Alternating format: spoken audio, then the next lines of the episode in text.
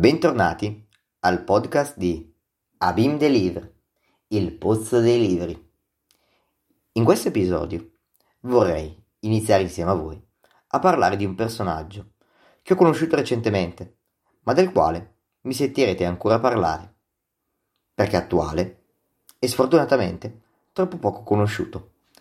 Vorrei raccontarvi la storia ed il libro dell'illustratore Giuseppe Scalarini, partendo, infatti, dal suo diario illustrato, scritto durante il periodo del confino e corredato dalle sue illustrazioni.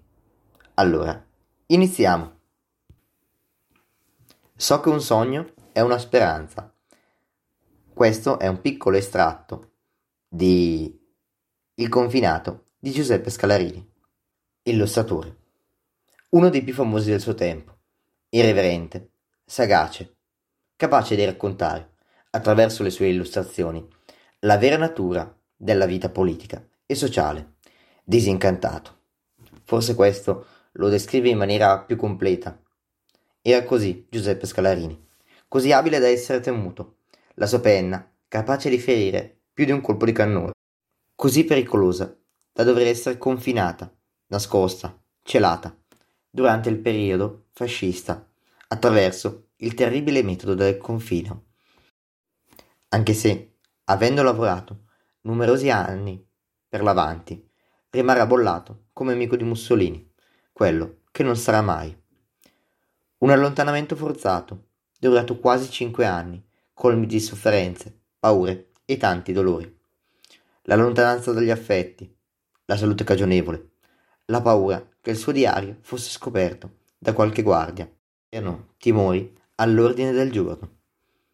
Un diario, illustrato, recentemente ripubblicato grazie al sapiente lavoro degli eredi, dell'archivio Scalarini e soprattutto di Ferdinando Levi, con il quale avremo modo di approfondire alcuni dettagli sulla vita del nonno. A pubblicare la nuova edizione del diario di Scalarini è stata la Fondazione Anna Kulishov di Milano che ha adottato Scalarini per tramandarlo alle future generazioni.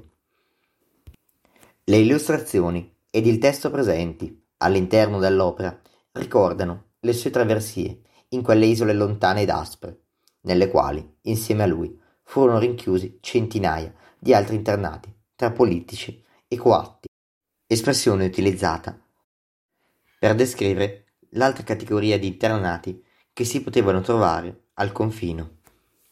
Ricordare oggi la figura di Giuseppe Scalarini è veramente importante.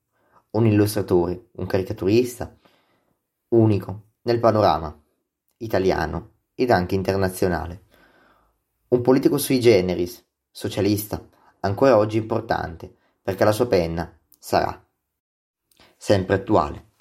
Ne potrete avere prova con le prossime pubblicazioni che appariranno questa settimana potrete trovare l'intervista che ho realizzato qualche settimana fa al nipote di Giuseppe Scalarini, Ferdinando Levi, che ringrazio pubblicamente per averci fornito numerose informazioni sulla vita del nonno, tra cui aneddoti ancora poco conosciuti.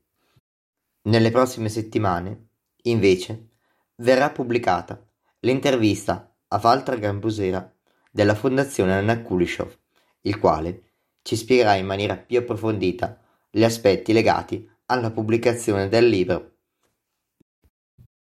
Nei prossimi podcast proporrò anche una biografia di Scalarini, in modo da conoscere globalmente la sua storia ed il suo lavoro.